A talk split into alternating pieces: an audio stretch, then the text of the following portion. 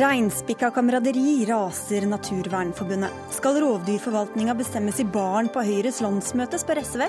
Hør hvorfor en jakttillatelse på bjørn ble presset gjennom for en sauebonde, som også er Høyre-politiker.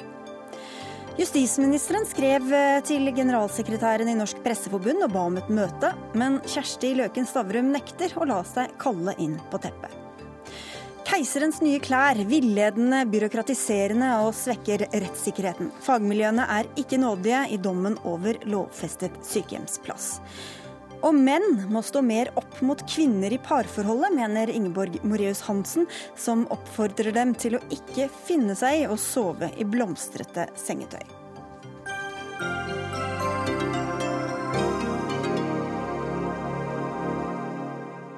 God kveld og vel møtt til dagens Dagsnytt 18, hvor vi også sneier innom den tilsynelatende aldri hvilende havnekonflikten. Mitt navn er Sigrid Solund.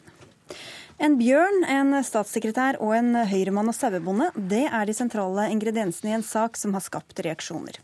For for snaut to uker siden møttes høyrepolitiker, grunneier og sauebonde Anders Kjær og statssekretæren i Klima- og miljødepartementet på Høyres landsmøte, og rovdyrpolitikk ble et eh, tema. Så skrev Kjær et brev til Miljødirektoratet, viste til samtalen og ba om å få tillatelse til å ta livet av en bjørn i Stor-Elvdal i Nord-Trøndelag, der han altså er storeier av grunn og har beitende sauer. Få dager seinere ble Miljødirektoratet skriftlig instruert av regjeringa til å gi fellingstillatelse og slik åpne for jakt. Arnodd Hopnes, du er fagleder i Naturvernforbundet. Det var dere som først oppdaget denne saken. Hva mener dere er oppsiktsvekkende ved den?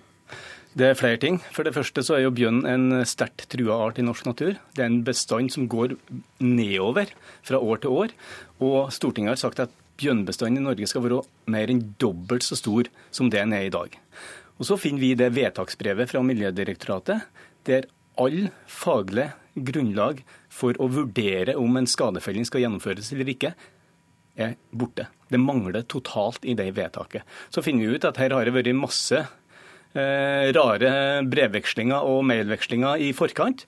Og at et direktorat, et fagdirektorat har blitt direkte instruert til å vedta en felling, altså uten at kunnskapsgrunnlag skal vurderes i det hele tatt. Og Det syns vi er meget oppsiktsvekkende. Så her er kameraderi som eh, viser seg å stamme fra Høyres landsmøte og korridorene der, som ligger bak hele saken, dessverre. Vi kan jo komme tilbake til påstanden om kameraderi, men det er vel innafor hva de har lov til å gjøre fra regjeringshold og fra statssekretæren? Hva er, det, hva er det de har gjort galt, sånn som dere ser det da? Altså ytterste fall så eh, det er jo brudd på naturmangfoldloven, for kunnskapsgrunnlaget er jo ikke vurdert i det hele tatt, sånn som det skal gjøres i offentlige vedtak. Det andre det er jo at et departement som instruerer et fagdirektorat, da mister du jo alle muligheter både til å få en faglig vurdering av eh, selve saken, men du mister òg klagemuligheten i etterkant, fordi at uh, den er jo da ikke reell lenger, fordi at det er bestemt at dette skal gjennomføres, og det er en helt uakseptabel eh, forvaltningspraksis som aldri før har skjedd. Og det bekrefter jo til og med eh, miljødirektøren i eh, NRK i går. Hun har aldri blitt instruert i en sånn type sak før, så derfor syns vi det er ekstra alvorlig. Statssekretær Lars Andreas Lunde, du er den mye omtalte statssekretæren fra Høyres landsmøte som ga denne instruksen. Hvorfor var det riktig å instruere i denne saken? Det er fordi at det er regjeringens klare politikk at i prioriterte beiteområder, og denne bjørnen befant seg i et prioritert beiteområde, så skal det være en lav terskel for uttak av rovdyr i forkant av beitesesongen. Dette for å forebygge at det skjer store skader på sauebesetningen når sauene slippes, slippes, på beite.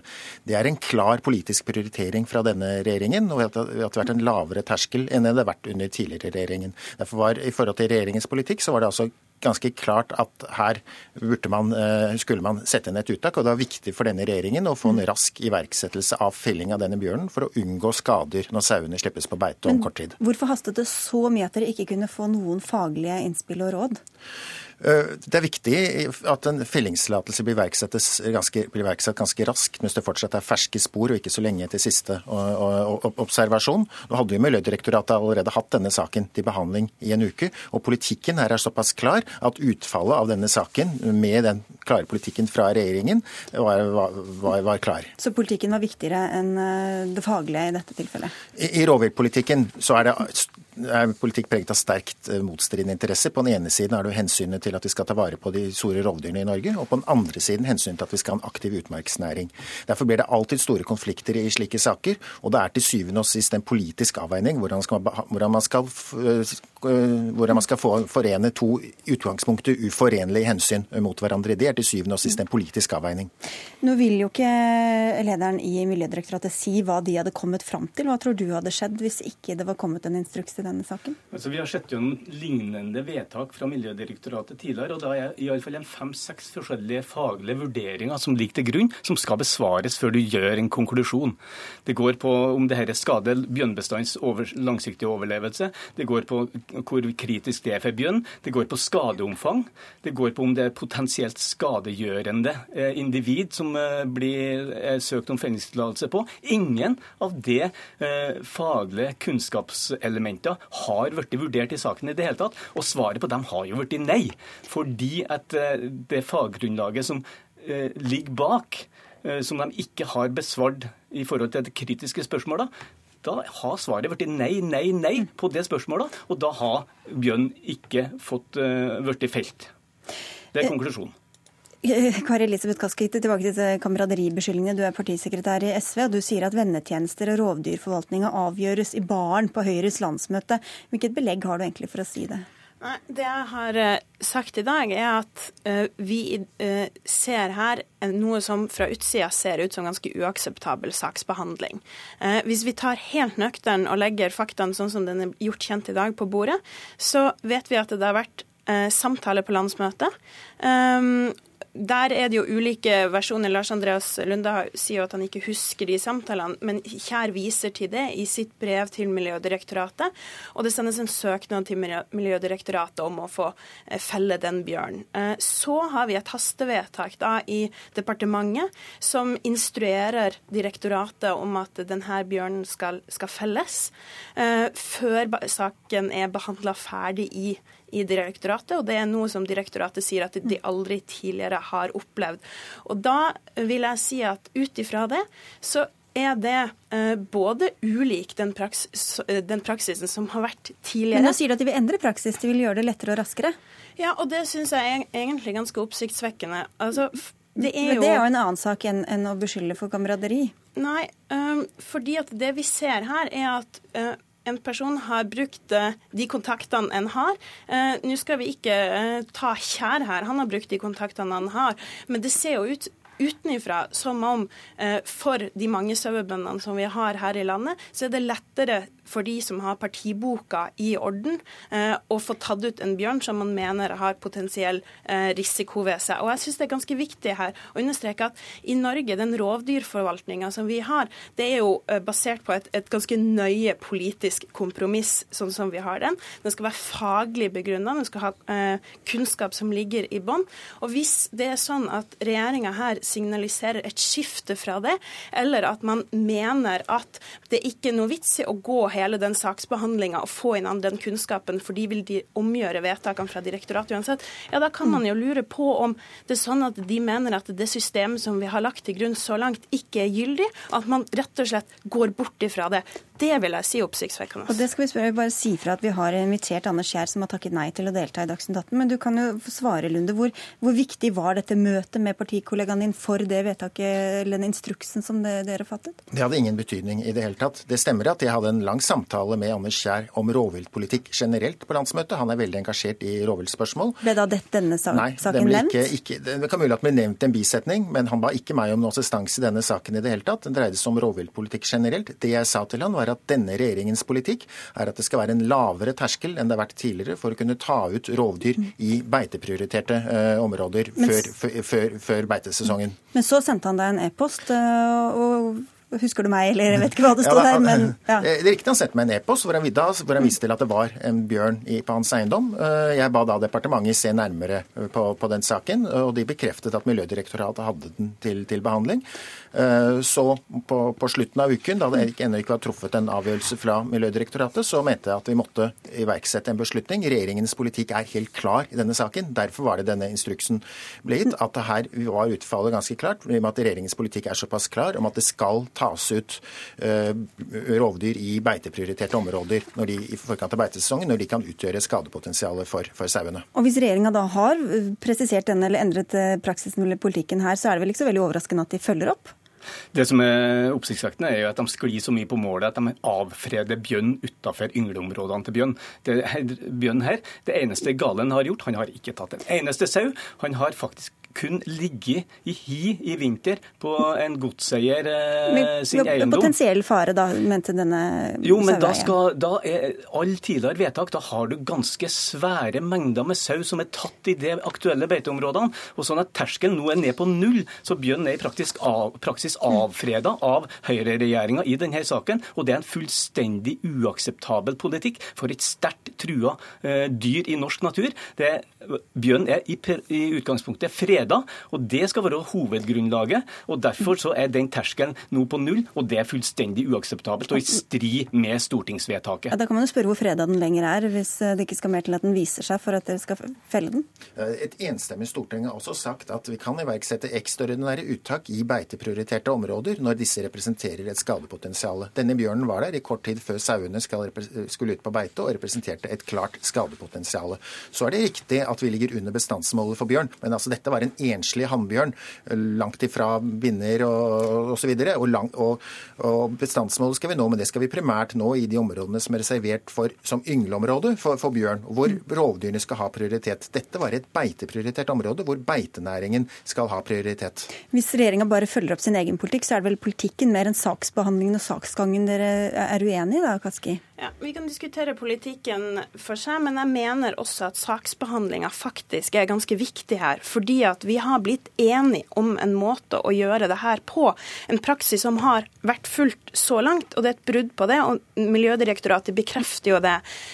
Men hvordan vet du at ikke det samme hadde skjedd hvis vedkommende var fra Senterpartiet eller SV eller hvilket som helst annet parti, men hadde henvendt seg med en hastesak til statssekretæren? Jeg syns det er alvorlig at det går an å eh, henvende seg og få det hastebehandla på den måten som det er gjort, der man har sett bort i de fa og i hvert fall ikke tatt seg tid til å gjøre de faglige vurderingene. Husk på, i Norge med den forvaltninga vi har, så er det ganske lett å få fellingstillatelse på et rovdyr som, som er umiddelbar truer eller tar ut mye sau. Da må du vente til sauen blir drept da, av bjørnen før du ja, men vi, altså, vi har bygd opp et system der det faktisk skal være både lett når det er en umiddelbar trussel, men også vanskelig å ta ut et trua rovdyr når man, den, mm. eh, det rovdyret ikke har drept noe sau. Så det jeg frykter her, er at det er tilliten til det systemet som vi har bygd opp, som er basert på et politisk kompromiss og forlik på Stortinget, er i ferd med å brytes. Det tilliten svekkes gjennom at departementet her viser en sånn type saksbehandling. Du skal få avslutte, men du får komme med en veldig kort kommentar. Først. Ja, nei, og det er helt enig med Kaski i akkurat det praktiske her. og det har jo aldri skjedd før i eh, forvaltningssammenheng at en, eh, et departement har instruert på denne måten her.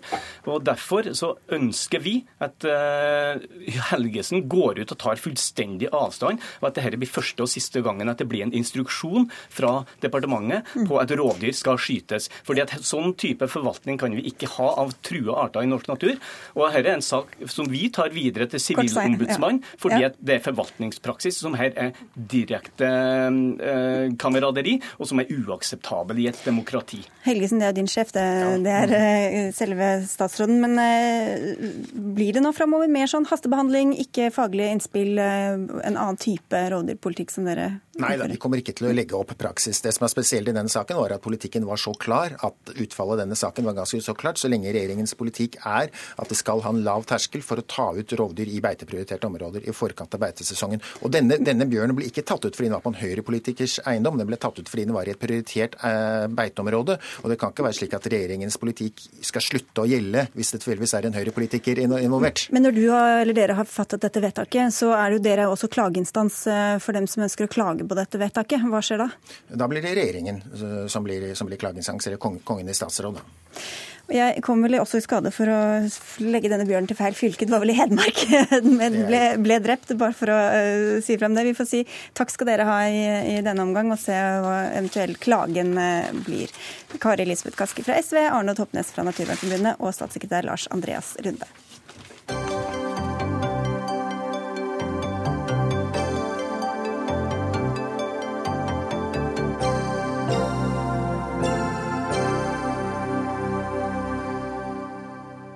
Det er også et annet brev som har vakt oppsikt denne uka. Dette med justisminister Anders Anundsen som avsender.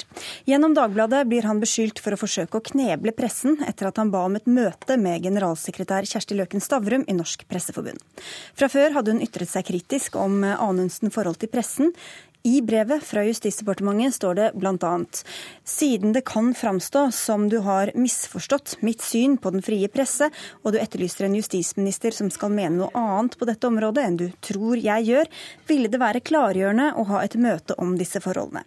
Det ville vært meget nyttig for meg å få klargjort dine synspunkter, og kanskje nyttig for deg å få klargjort mine. Sitat slutt. Generalsekretær i Norsk Presseforbund, eh, du skulle gjerne vært her i egen person, men er på vei til skarverennene, har jeg forstått, eh, Kjersti Løken Stavrum. Men hvordan reagerte du da du fikk dette brevet fra Anundsen? Eh, jeg ble jo litt overraska, selvfølgelig. Fordi det er veldig sjelden jeg får forespørsler om møte på brev i det hele tatt. Og, og ja, det er sjelden at toneleiet er i det leiet det er i dette brevet. Det er, eh, det er ikke bare det du siterte som, som kanskje som tydelig signaliserer at det er en eh, noe irritert justisminister som skriver. Hmm. Hvordan tolket du det han skrev, da? Eh, jeg tolket vel som at han gjerne ville ha et møte hvor, hvor jeg skulle få klargjort det han syntes. Og, og, jeg antar at han også gjerne skulle se at jeg fikk korrigert det det jeg hadde sagt. Og det kan vi gjerne gjøre, men jeg ringte nå kontoret som jeg ble oppfordret til å gjøre i dette brevet, og, og sa at vi tar gjerne et møte. Men uh, ut fra formuleringen i brevet så er det ikke naturlig at det møtet skjer på justisministerens kontor. Og det fikk jeg vel også en klar forståelse for. Justisminister Anders Anundsen fra Fremskrittspartiet, hvorfor skrev du dette brevet i utgangspunktet? Og Det var rett og slett fordi jeg ønsker en dialog med Norsk Presseforbund, som er en eh, tydelig stemme i den norske politiske debatten, særlig når det gjelder eh, forhold til fri presse, ytringsfrihet osv.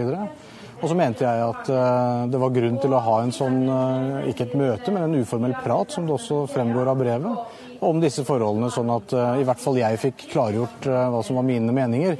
Eh, fordi eh, jeg mener at Stavrum eh, hadde gjengitt de på en litt feilaktig måte. Men det er først og fremst for å ha en dialog med Norsk Presseforbund og Stavrum. Jeg skrev dette brevet, og jeg må si jeg er litt fortvila over at det har fått denne voldsomme negative spinnen som det da har fått. fordi det som var min intensjon, og det var, det var veldig, en veldig positiv intensjon, nemlig å ha en åpen dialog med Norsk Presseforbund. På samme måte som jeg har dialog med en rekke andre organisasjoner. Men Du sier at du ville ha en uformell prat, men du sender jo et brev med logoen til Det kongelige justis- og beredskapsdepartement. Du, det er blitt brukt ord som umusikalsk, sterk signaleffekt. Hvor godt overveide hvordan dette kom til å bli tolket og mottatt? Nei, jeg må si at uh, Intensjonen min var veldig god. og Jeg inviterer ofte organisasjoner og andre til møte gjennom brev.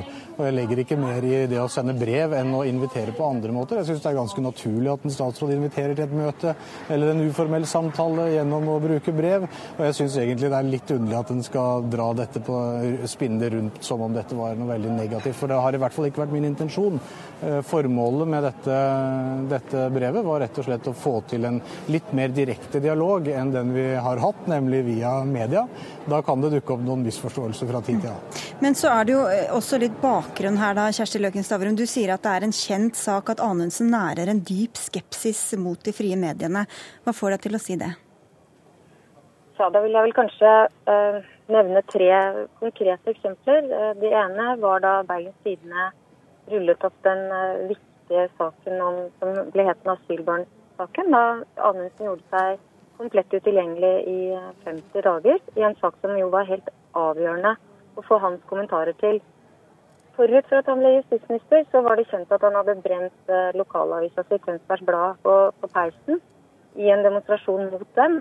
Som du sier, Det gjorde han jo på et tidspunkt hvor han ikke visste at han kanskje skulle bli justisminister. Eh, men det var i hvert fall en, en ting som ligger bak her. Og så er det jo da særlig da denne videoen som som alle har fått med seg, regner jeg med. Eh, og, og, den videoen er jo rett og slett motivert av klart og tydelig at vi har en presse i landet som, eh, som, har en lei tendens til å være kritisk, og derfor så måtte Anundsen lage denne videoen. Og Disse tre tingene har i hvert fall gjort at jeg er litt rett og slett litt undrende til de signalene som dette eh, har gitt utad. Og jeg syns ikke at Amundsen har vært klar nok i sitt forhold til den frie pressen. Og det som jo på en måte blir litt eh, paradoksalt i dette, er at jeg, jeg frykter vel også at omtalen av dette brevet for Amundsen blir nok et eksempel på denne pressen som vrir og vrenger på ting som ikke er slik som han mente det. Mm. Uh, og det det, det, hører jeg også at han sier, og det, jeg kan til dels forstå det. Men, men, jeg tror nok likevel at hvis det var en hyggelig invitasjon, og jeg vil gjerne understreke at jeg uh, møter jo gjerne Anundsen, uh, men hvis det var ment som en hyggelig invitasjon, så, så ville jeg kanskje formulert det litt annerledes.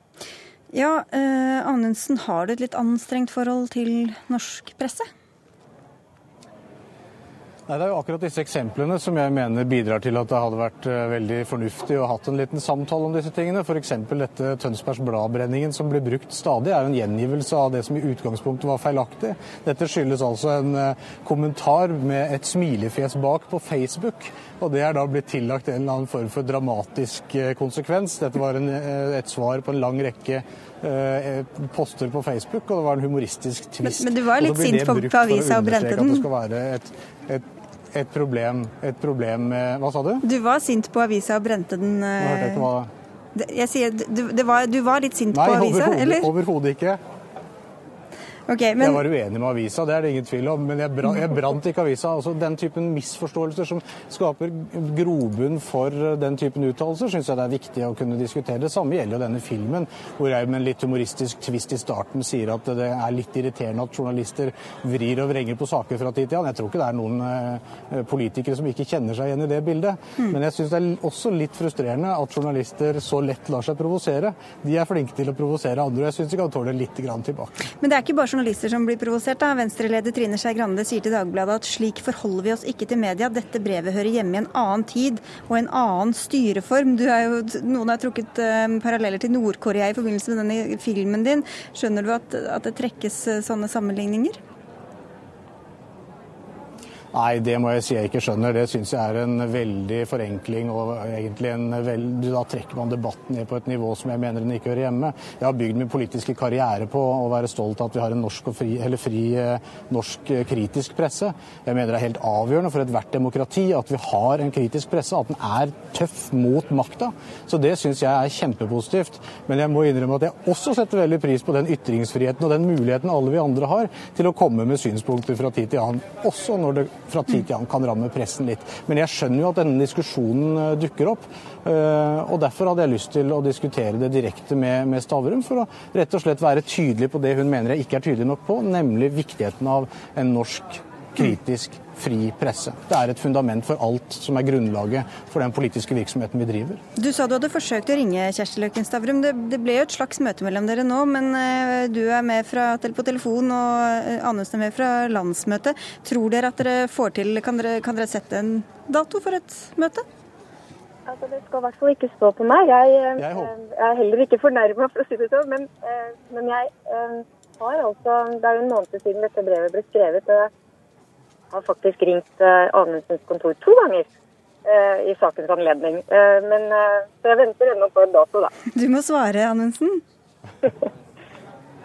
Ja, vi skal få til et møte eller en samtale, og hvor den samtalen finner sted, det er av veldig underordna betydning for meg. Jeg syns det er veldig viktig å ha en åpen og god dialog også med Norsk Presseforbund, og jeg gleder meg veldig til den kaffekoppen. Vi får si takk til dere i denne omgang. Ja, ja. Så tenker jeg at det, det, viktigste for meg er egentlig ikke å få en forsikring om at Amundsen er for den frie presse, for det, eh, det tror jeg ingen ville sagt at det ikke er. Men jeg er ute etter å se eksempler på at Amundsen stiller opp når det også blåser kaldt rundt ham. Mm. Vi får, uh, dere er hjertelig velkomne hit, for å si det sånn. Jeg tror ikke det er mange eksemplene på at jeg ikke gjør det. Ok, Takk skal dere ha, Kjersti Løkken Stavrum. på at jeg ikke gjør det, altså. Og Anders Anundsen, takk skal dere. Vi skal ikke slippe saken helt, for det er mange i norsk presse som har vært kritiske til dette brevet. Både at det ble sendt og hvordan innholdet ble formulert. Men det finnes eh, unntak, som deg, Trine Eilertsen, du er politisk redaktør i Aftenposten. Du har gått i forsvar for justisministeren her. Hvorfor det? Ja, altså jeg synes eh, Det er helt i orden at justisministeren tar kontakt med en eh, person i pressen og ber om en samtale. og Så kommer det i, brev, i et brev og i en form som vitner om at han er litt snurt eh, og at han er litt sur, men det mener jeg, det må vi tåle. Og at han ber om en samtale. Han har ikke kalt noen inn på et teppe eller på kontoret sitt. Da blir det liksom overdramatisert når uh, tittelen er 'Anundsen kaller pressegeneral inn på teppet'. Og det mm. syns jeg er unødvendig. Ja, hva sier du om norsk presse, hvordan den har reagert på dette, da? Altså, jeg synes jo eh, Det har vært flere saker som det har vært god grunn til å, å kritisere Anundsen. og Den videoen har vi jo snakket om eh, tidligere i sendingen, den fra i høst. og Da fikk han jo berettiget kritikk fra svært mange. Eh, og så er det jo ofte sånn at Du sender et budskap med en eh, intensjon, og så blir det oppfattet på en annen måte. og Da må du også få kritikk for at du ikke har klart å forstå hvordan det blir oppfattet. og Dette gjør vi jo med Anundsen hele tiden. Men derfor syns jeg jo at når denne saken kommer, som er på grensen til å være en bagatell, og vi bruker like sterke ord da, da syns jeg det vi, vi undergraver vår egen kritiske kraft. Geir Amnefjell, du er politisk redaktør i Dagbladet. Det var jo dere som dro opp eh, denne saken. og Du har kritisert Anundsen i ganske krasse ordelag. Du skriver at tonen i brevet knapt tåler dagens lys. Eh, hvorfor tolker du da dette så annerledes enn Trine Eilertsen, tror du? Eh, litt av grunnen til at jeg skrev 'Dagens lys', var fordi vi, vi søkte etter brevet i offentlige journaler, men fant ikke. Eh, og det var fordi det ikke var blitt journalført. Um, men uh, grunnen til at jeg reagerte kraftig på det, det er at det er jo ikke noe usedvanlig at, at politikere møter pressen. Eh, også i andre sammenhenger enn i rene intervjusituasjoner.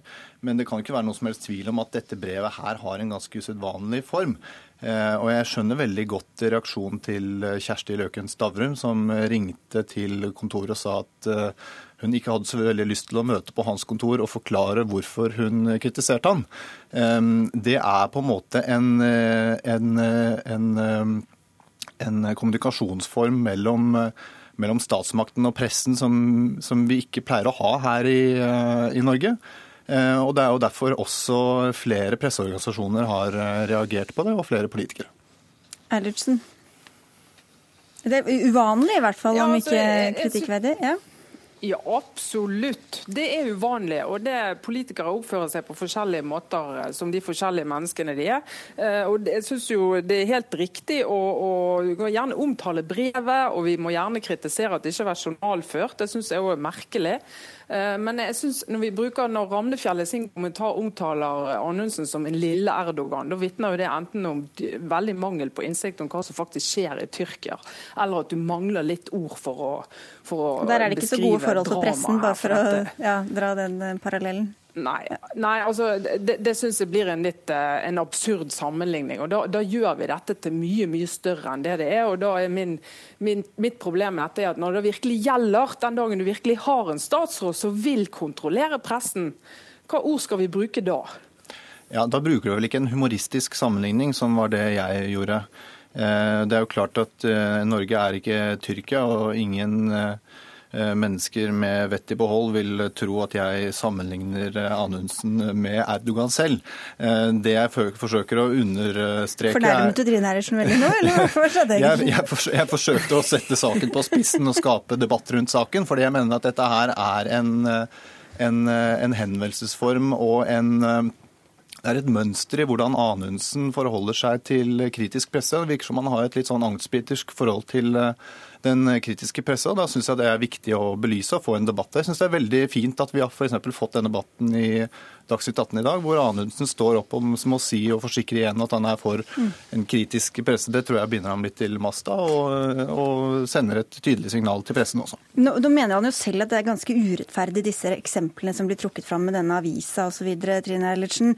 Men selv om du mener at ikke det var noe kritikkverdig at han sendte dette brevet, hvor, hvor klokt var det med tanke på det, om vi skal kalle det et rykte, eller hva det er han har fått på seg om, eh, i forholdet til pressen, da?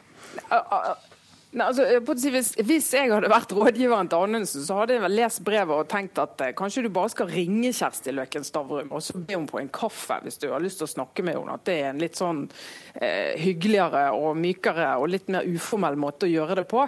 Eh, og så har han ikke gjort det, da. Så har han sendt dette brevet, og det må vi gjerne omtale. Men det, det jeg reagerer på, er litt sånn støynivået på kritikken her, og hvor vi begynner å snakke om at vi, dette vi minner om eh, statsråder i land vi omtrent ikke liker å sammenligne oss med.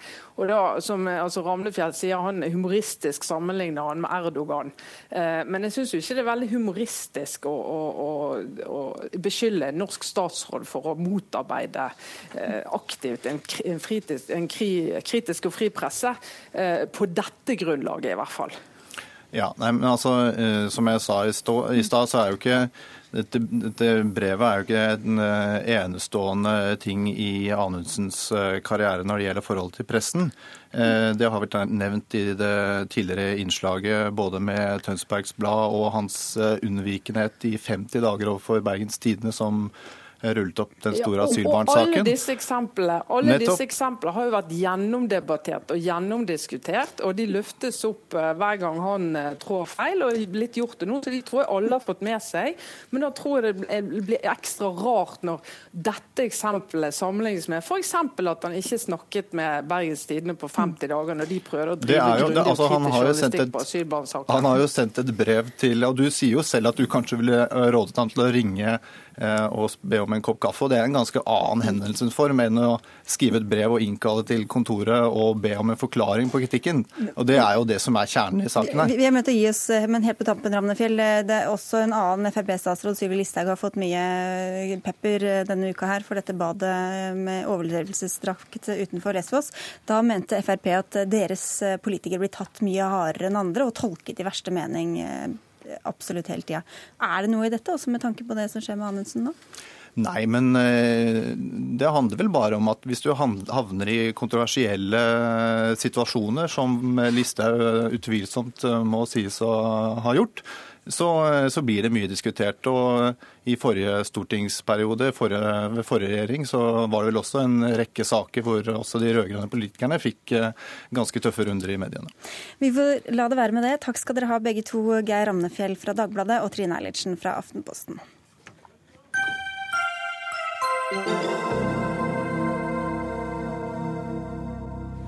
For vi har flere Frp-ere som venter på å komme inn i studio her. Mener legen din at du må på et sykehjem, ja, så skal du ha rett på sykehjemsplass. Så enkelt bør det være. Slik formulerte Fremskrittspartileder Siv Jensen et av partiets aller viktigste saker valgåret 2013. Og forrige uke la regjeringa fram et forslag om å lovfeste rett til sykehjem eller tilsvarende bolig. Men Oddvar Torbjørnsen Faltin, du er teamleder hos Pasient- og brukerombudet i Oslo, og du lar deg ikke imponere over dette. Hvorfor ikke? Nei, Vi mener jo at uh, denne rettigheten allerede ligger der i dagens lovgivning. Uh, og ved å da komme med et sånt lovforslag som uh, regjeringen nå legger fram, så signaliserer man at man får noen nye rettigheter. og at det skal være lettere å komme på sykehjem. Noe vi mener at det ikke fremkommer av mm. lovforslaget. Keiserens nye klær, kaller du det? Ja, eh, sjefen min, mm. Eh, ombudet Christensen, sa det før i dag, eller i avisen i dag, mm. at det er keiserens nye klær. Fordi man, man sier man, man lover noe. Eh, og sier at eh, her skal det komme noe nytt og revolusjonerende, og så ligger det allerede mm. i dagens lovgivning. Andre av eh, ordbruken som ble gjengitt i Aftenposten i dag, unødvendig byråkratisk, forvirrende, svekker rettssikkerheten. Bård Hoksrud, helsepolitisk talsperson i Fremskrittspartiet. Hvis pasientombudet, som, som også skal ta vare på pasienten, ikke har tro på det, hvorfor skal dere ha det? Jeg lurer egentlig på hvor godt pasient- og brukerombudet i Oslo og Akershus har lest lovforslaget, fordi det er ganske klart og tydelig sagt at eh, behandlende lege skal ha eh, ganske mye innflytelse på det som eh, skal skje med pasienten. I tillegg, det man glemmer, av det pasient- og brukerombudet i Oslo ikke har fått med seg, det er faktisk at det ligger krav om nasjonale kriterier som skal komme. Og før de nasjonale kriteriene så skal kommunene lage kriterier som sikrer at de som trenger en syke sykehjemsplass eller tilsvarende tilbud, faktisk skal få det. Det er det dette handler om, og det er det som er viktig. Og jeg syns det er litt spesielt at det er tydeligvis at en del av systemene er litt negative. Men brukerorganisasjonene, Seniorsaken, Pårørendeaksjonen osv. De er kjempeglad for at regjeringa nå strammer opp eh, deler av lovverket gir klare føringer og kommer med nasjonale kriterier for å sikre de som trenger omsorg og pleie, pleieomsorg. Og sikre bedre likebehandling kanskje også? Absolutt. Ja, eh, jeg kan love deg at vi har lest eh, både høringsnotatet og lovforslaget eller stortingsproposisjonen. Men eh, men, så det du mener da, Hoksrud, er at det er for få som får plass på sykehjem i dag? Er det det du mener? Ja, jeg mener med bakgrunn i det dere spilte inn for pasient- og kvalitetssikkerhet stortingsmeldinga, altså pasient- og kvalitetssikkerhet, som ble spilt inn for Stortinget, der var man veldig klar og tydelig på at det er pasienter og flere som klager på at ikke de får det tilbudet det, eh, som de har behov for. Og det er jo det dette her handler om. Vi ønsker å styrke rettighetene. Men det er vel plasser det står på, og, og penger? altså at det er, hvis, hvis, Det spiller ja, ingen rolle om du, ikke, om du ikke får plass fordi at eh, selv om loven sier det? altså Hvis Nei, men, det er plasser det mangler? Det, og det, definitivt. og Det er derfor også regjeringa har sørga for at vi har bevilga mer penger nå for å bygge flere sykehjemsplasser. Utfordra kommunene. Det er jo der Fremskrittspartiet skiller seg fra de andre partiene. Vi ønsker en statlig finansiering av eldreomsorgen. Så at når man har krav på en plass, så får man en plass når man får god omsorg. Men med mindre det står masse ledige plasser og venter på eldre som skal inn, hvilken praktisk betydning får det da at man lovhjemler dette? Hvis man allerede i dag har krav på det hvis man trenger det? Ja, Det som er viktig, er jo at da får man stilt krav til de som skal levere tjenestene, nemlig kommunen her. Og den du som i dag, hvis du kommer som pårørende eller som bruker den som har behov i dag, så kommer man til kommunen og så sier kommunen, og det man, det man ser Jeg er lokalpolitiker i, i, hjemkommunen min, og det man ser er at kvalitet, eller nivået for når du får en sykehjemsplass, eller når du får det du trenger av tilbud, den blir faktisk heva fordi kommunen ikke har penger eller ikke ønsker å prioritere eldreomsorg. Og Det er nettopp derfor vi har satt i gang forsøket og ønsker å utfordre kommunen til å bli med på forsøk om statlig fullfinansiering i eldreomsorgen. Men det skal ikke akkurat bruke nei, men, men, pasient- og brukerombudet svare på. Feil, men det er kanskje lettere for kommunen å prioritere det bort eller ned når det ikke er lovhjemlet at man skal tilby dette, da? Ja, og det er der vi er uenige. For vi, altså allerede i dag så sier eh, helse- og omsorgstjenesteloven at man har rett på nødvendige og forsvarlige helsetjenester. Og Hvis og legen da, da, sier at det er en sykehjemsplass, da er det sykehjemsplass du skal ja, få? Det er ikke lovhjemla. Det er ikke det, det foreslår dere ikke å lovhjemme.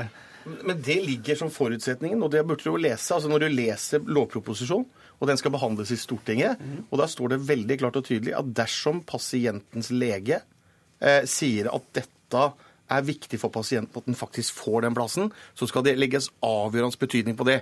Det betyr i praksis at da skal det ha betydning for at da skal man få en plass. Og så må vi da sørge for, og lokalpolitikerne som har ansvaret for Men det blir ikke noen garanti av den grunn, da? Jo, men, nei, men, men, så ligger det også nasjonale kriterier her, som ikke har vært der før. Det er jo noe som regjeringa nå kommer med, nettopp for å sørge for det. I tillegg blir det altså krav om at man bør eh, komme med ventelisteoversikt, sånn at man faktisk får vite hva er behovet der ute, hva er utfordringene, hvorfor er det så mange som tar kontakt som ikke får det tilbudet de trenger. Og det handler om en trygg og verdig eldreomsorg for alle eldre som trenger det.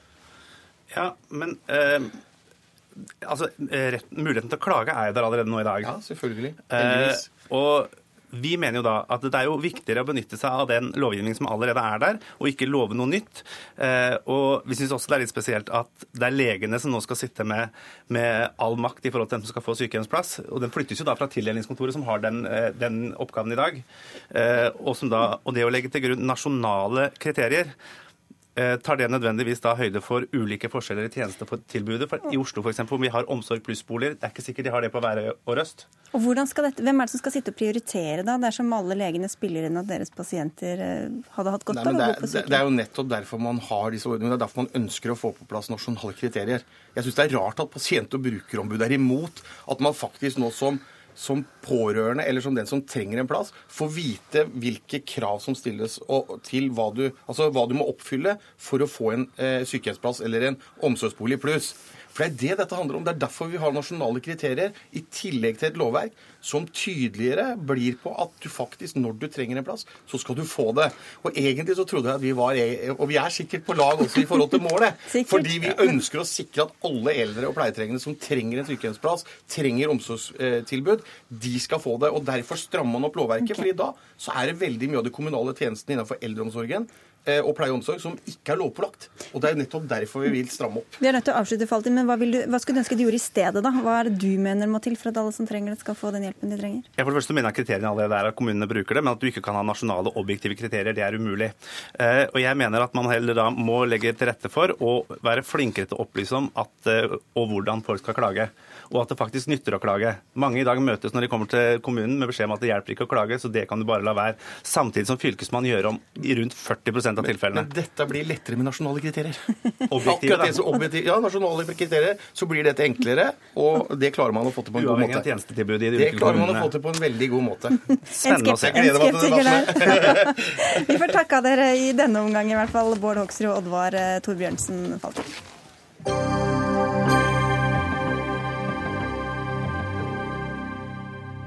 Konflikten fortsetter om havnearbeidernes kår. Det har vært og er fortsatt aksjoner og demonstrasjoner i flere norske byer.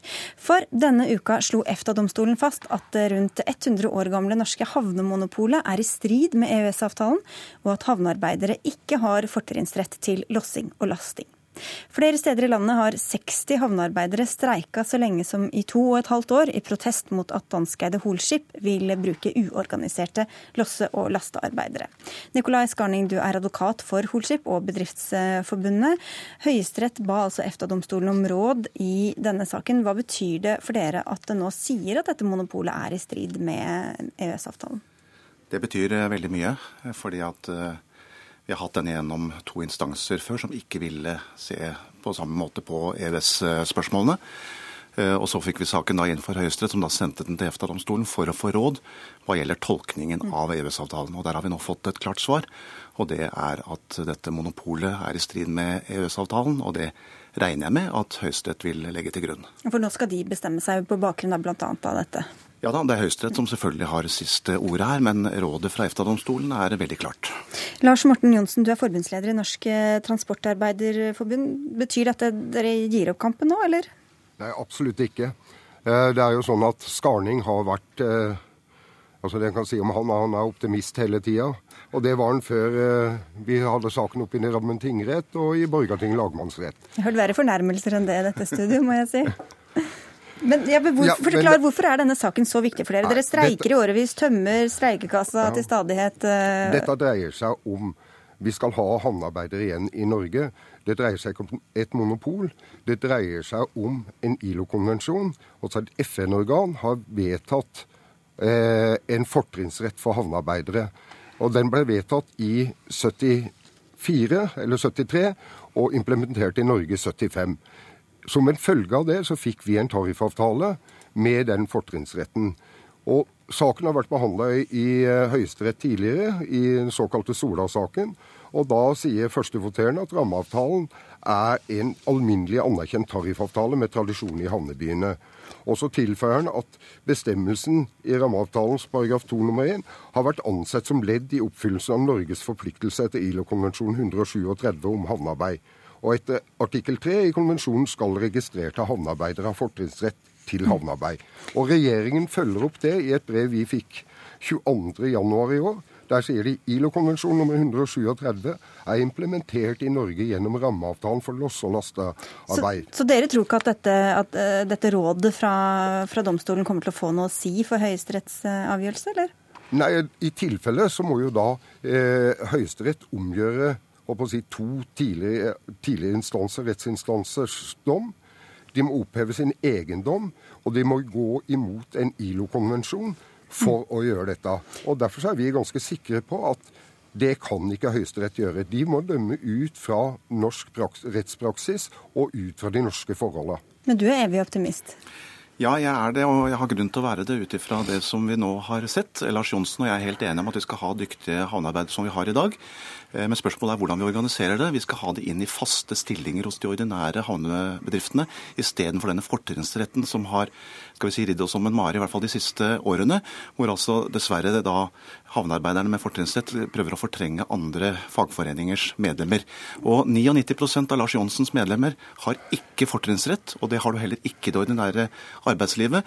Medlemmene til Lars Johnsen trenger ikke denne fortrinnsretten. De skal fortsatt ha faste, gode jobber. Men det som har skjedd nå, er at nå har proppen i systemet eh, blitt borte.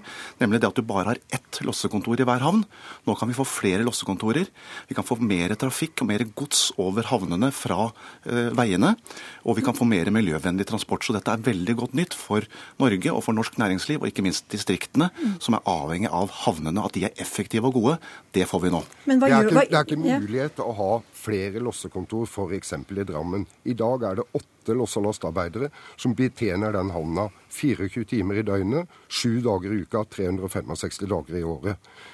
Hvis du hadde splitta opp det, så går du rett over i løsarbeidersamfunnet. Derfor har vi system... Men det er faste, system. gode stillinger, sier han her, at det, skal være, at det er alternativet. Hvis du ser på Oslo havn, så er det ikke noen faste, gode stillinger. Der bruker de løsarbeidere fordi at de ordinære havnearbeiderne er ute. Og jeg syns det er merkelig. Skarning er, forsvar, snakker om monopol. Dette er fortrinnsrett. Men der det er oppretta monopol, er i Oslo havn. Der har Ylport fått en kontrakt på 30 år der de har monopol på all containertransport. Det angriper ikke Skarning. Det er ikke til hinder for den frie etableringsrett. Prøv, prøv, å få med folk så kanskje alle kan følge med her. Ja, jeg skal gjøre det. Lars Johnsen, altså Hvis du tenker på Drammen, da, som jeg har engasjert meg i, så er det jo da Holskip, som jeg representerer der ute. De har tariffavtale med LO, altså Norsk Arbeidsmannsforbund. De har losse- og lastearbeidere som er godt organisert, og som har de samme lønningene som Lars Johnsens. Oslo, da? Det er det ja, Oslo er på en måte utenfor hva jeg jobber med, så det er et helt annet system. Men Skarning kan det norske tariffsystemet. Du har jobba i NHO. Du vet at du kan ikke bruke en tariffavtale på renhold på land for å drive loss og laste skip. Men hvorfor er det så annerledes forhold for havnearbeidere enn for andre deler av arbeidslivet? Fordi at Norge og de fleste andre land der det er mindre havner, er nødt til å organisere arbeid gjennom loss- og lastekontor. Der du betjener alle de ulike brukerne. Du har store brukere, du har små brukere. Holskip har da det siste året ikke hatt et skipsanløp. De kan ikke ha faste ansatte som ikke betjener skip. Det andre er det at vi Altså det er noen skip som ligger, har liggetid på to-tre timer. Andre skip har liggetid på bortimot et døgn. Og vi skal betjene alle de ulike variantene innenfor en havn. Mm. Det er det Loss- og lastekontoret gjør. Nå har altså Holskip ikke hatt losseanløp rett og slett fordi at man har hatt denne konstante trusselen fra Transportarbeiderforbundet om aksjoner. Så det er grunnen til det, Lars Johnsen. Og nå regner jeg med at med denne avklaringen som vi vil få nå, så vil alle kunne bruke både Holskip og andre aktører. Ja, for Hvordan vet du at de andre aktørene ønsker seg gode, faste stillinger? Det er, som, det er, noe som, NHO har informert om i forbindelse med noen tvister som de har hatt i arbeidsretten. At de ser at ja, medlem til Lars Johnsen skal selvfølgelig ha gode arbeidsforhold. De skal ha tariffavtaler. Men istedenfor å være organisert i ett et lossekontor som blir et form for monopol, så skal de altså heller ansettes fast i de ordinære bedriftene som resten av norsk arbeidsliv. Norsk hvor, arbeidsliv har ikke fortrinnsrett normalt. Hvor mange loss- og lastearbeidere ville Holskip ansette? Med den omsetninga dere har på sjøtransport. Det, det går jo ikke an. Jo, Lars Johnsen, Hvis Holship nå får lov til å drive i fred fra dine medlemmer, så vil de kunne øke sin, sin forretningsvirksomhet, og da kan de forhåpentligvis også ansette noen av dine folk. Nå venter vi jo på dommen fra Høyesterett, eh, Johnsen, men hvor lenge skal dere fortsette med demonstrasjoner og streiker da? Vi fortsetter til eh, vi vinner den kampen her, og til arbeidsgiverne har gitt seg. Når er det venta en dom i Høyesterett? Vi skal snakke med Høyesterett i begynnelsen av mai nå om når den saken skal eh, berammes. Men jeg tror nok at Lars Johnsen nå bør forberede seg på hvilken vei dette kommer til å gå. Der er dere helt sikkert uenige. Vi får vente og se hva retten kommer til. Takk skal dere ha i hvert fall, Lars Morten Johnsen fra Transportarbeiderforbundet og Nikolai Skarne fra Holskip.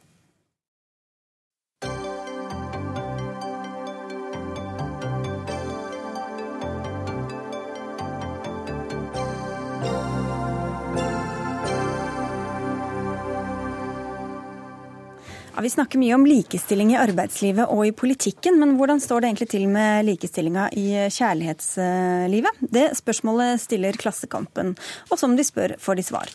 Hvis menn ikke står opp mot oss kvinner, blir vi fryktelige vesener. Det er du som kommer med denne advarselen, Ingeborg Moreus Hansen. Du er tidligere kinodirektør og Høyre-politiker, og du sier altså at du er bekymret for at mannen er så forvirret og svak i møte med feminismen. Hva tenker du på da? Nei, altså nå tror jeg for det første at det er faser i livet på denne kjønnskampen også. Men i den fase jeg er i livet, hvor jeg ser at alle disse forsamlinger som jeg går rundt i, holder foredrag, jeg er på kulturarenaer, så er det masse kvinner. Mennene er ikke der. Hvor er de hen? Og de blir, og, og, kvinner i min fase i livet er jo så sterke og utad, utagerende i kultur og i masse, mens mennene synker litt i hop når de så kommer hjem etter å ha vært utagerende i arbeidsliv osv. Men, men det er jo ikke bare jeg som snakker om at det er en kjønnskamp mellom menn og kvinner. Det har det vært i alle tider. Det er en arena for å utfordre hverandre og eh, den forfatter som jeg er blitt engasjert i dette temaet om, nemlig Horace Engdahl i denne litteraturkampen i Sverige, men det har også vært store gutter før det som har snakket om at kvinner, når de oppdager at mannen ikke holder mål, og ikke tar, står opp mot dem, da går de. Nora går i et dukkehjem. Ja, for Du sier at vi blir eh, fryktelige vesener, som jeg sa, hvis ja. ikke de står opp mot oss. Og at menn, eh, som et eksempel, ikke bør finne seg i å ligge i blomstrete sengetøy ja. om natten. Ja. Er det kvinnens ansvar? Kuer hun mannen, eller hva, hva er forklaringen? Ja, det gjør hun jo, hvis han ikke skjønner at nå må jeg stå opp mot denne flotte kvinnen. De blir forvirret og skremte og, og finner seg i, og har ikke tenkt på at når de er ferdig med den uh, yrkeskarrieren, så bør de jo ha den arenaen hjemme med den kvinnen som de der deler seng med. Men dette med blomstrete sengklær, det er selvfølgelig en metafor for at de ikke vet helt å ta hjemmet som den plass i den fase i livet hvor de da skal leve i en 30-40 år sammen. Du er i en litt annen eh, generasjon, Aksel Brann Jensen. Eh, nei, Sterri, unnskyld, eh, kommentator i Dagbladet. Du kaller deg vel selv feminist. Er mannen så forvirret og svak i møte med kvinnen som vi hører her? Jeg tror det er kanskje litt ulike typer menn. Eh, at det er noen menn som trives veldig godt i en ny type rolle hvor det er lov til å være en myk mann, eller lov til å spille på sine myke verdier, og lov til å ligge i sengetøy som også har blomster, uten at det er et eh, stort problem. Man kan like rosa fargen uten at det er et problem. Så jeg tror mange på en måte ja, trives i den nye, nye mannsrollen. Da. Men så er det klart at det er en del andre som jeg tror Ingeborg peker på noe helt sentralt. At det er kanskje mange menn som mangler en type sånn empatisk kompetanse, eller en type samtalekompetanse, i møte med sin kjæreste. Det kan være på en måte i et mann-mann-forhold eller det kan være i et mann-kvinne-forhold. Men hvor kanskje kvinnen får lov til å på en måte dominere hjemmet i en litt eh, for stor grad. da. Og at de på en måte ikke gjør det til sitt eget. Så jeg tror kanskje at det er en del av det som man, fortsatt, som man snakker om nå, som fortsatt gjelder også for min generasjon, iallfall i visse miljøer. da. Du sier også at du vil eh, forsvare mannens rett til vannhull i fred for oss kvinner. Hvilke områder mener du kvinner bør ligge unna i respekt for mannens ja, altså Jeg har jo selv stor tilhenger av rotta Rotary-bevegelsen. Der har jeg vært og holdt foredrag og fått den evige rødvinsflaska som takk for min strålende innsats i alle år. Og jeg har møtt dette. Og jeg har hatt en ektemann som har vært rotarianer og har opplevd den sida av saken. Men må få lov til å utvikle sine sosiale kanaler, sine koder, menn imellom. Og jeg har opplevd hvor enestående omsorgsfulle de mennene har vært. Og disse, disse arenaene, være seg eh, Rotary eller noe, at, at menn trenger et fellesskap, en arena for å, å å ha dette fellesskapet på de premisser som er deres. Så kommer da kvinnene inn og blir presidenter og står, tar over hele bevegelsen. Og det, nå er det snart bare jeg som mener det, så jeg vet at jeg nå nå sitter her og snakker fryktelig gammeldags, men jeg har merket dette, denne forskjellen. Og, eh, og du har, du har eh, ja Kampen Janitsjar husker jeg hver gang det er 17. mai. Og 16. mai så kommer all presse og spør hvordan går det med korpsbevegelsen nå. Og da husker jeg han som var sjef for Kampen Janitsjar. Der er det bare menn. Og den pågående journalisten sa går det an, da? Det er jo så mange flotte kvinnelige blå... Ja ja, det gikk nå kanskje på bekostning av noe.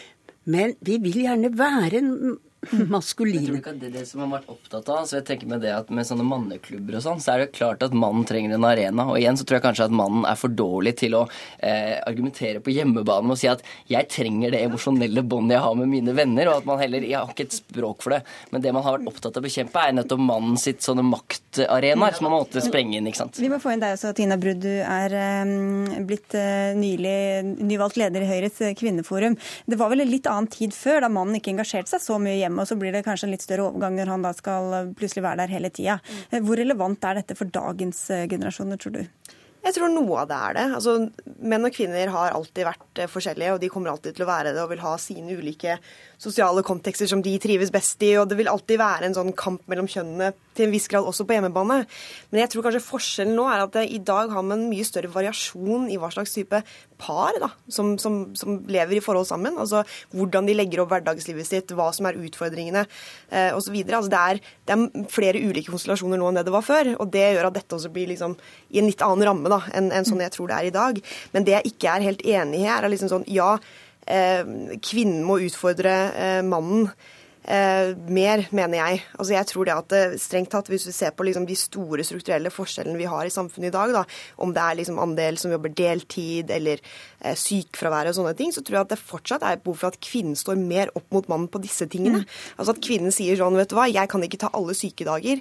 Eller at kvinnen har et veldig eh, sier tydelig fra om eh, at vi kan dele permisjonen mellom oss 50-50. Det er ikke bare jeg som må ta alt. Det tror jeg kvinnen må fortsatt bli sterkere på å gjøre. For Ingeborg Mjøs Hansen sier også til Klassekampen at like likestillingen på samfunnsnivå i all hovedsak er oppnådd. Det er du kanskje heller ikke helt enig i? det? Nei, jeg er ikke helt enig i det. Altså, Jeg mener at eh, vi har kommet veldig veldig langt. Og jeg føler innimellom at man kanskje krisemaksimerer litt altså ståa i likestillingen i Norge. Altså, tross alt er vi et veldig likestilt land, og vi har kommet veldig langt. Men vi kan ikke si oss fornøyd.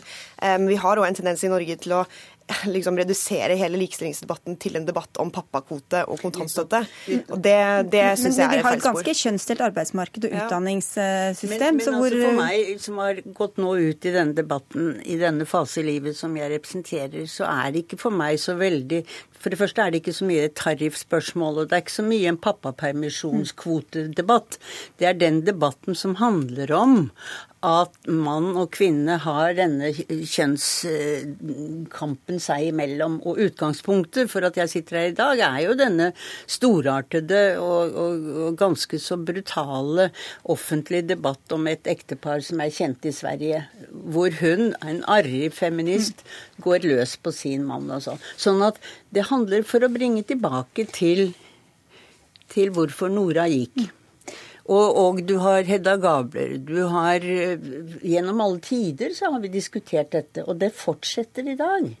Og, og, og, og utviklingen går selvfølgelig videre på dette, på dette temaet, og du ser jo unge menn i dag som har en helt annen holdning til å dele hjemmefasen. Men også ganske mange som føler seg marginalisert, eh, ut fra hva vi kan lese, i hvert fall, eh, Brons Derek? Absolutt. altså Det er jo mange menn som ikke, ikke fikser det. De snakker om at er det ikke en fjerdedel av menn som er eh, barnløse. Jeg vet ikke hvor mange av dem som er ufrivillig barnløse. Så det er åpenbart mange menn som ikke lykkes i vårt samfunn i dag. Og det er jo en utrolig vanskelig kamp hva vi skal gjøre med det. Og det tror jeg ikke vi løser med fedrekvote eller hva det skal være. Dette er folk som ikke har kommet inn på den arenaen i det hele tatt. Folk som ikke kan mestre arbeidslivet. Men jeg tror for den kvinnekampen på en måte man snakker om her, eller forhandlingsmakten man har internt, så tror jeg ikke man skal avfeie nettopp eh, f.eks. fedrekvoten. For det er nettopp noe av det mest effektive vi har. Og det jeg tror tenker et vesentlig element er at vi er ikke Mennesker blir ikke født ulike mennesker helt spikra. For når vi er i pappapermen, så blir vi fedre. Vi blir helt andre mennesker og blir mykere mennesker. Mye blir Helt riktig, og det er på høy tid. Det, det vil jo også bli litt interessant å se hvordan dette vil utvikle seg fremover. fordi at nå er det jo faktisk kvinnene som begynner å løpe fra fra menn.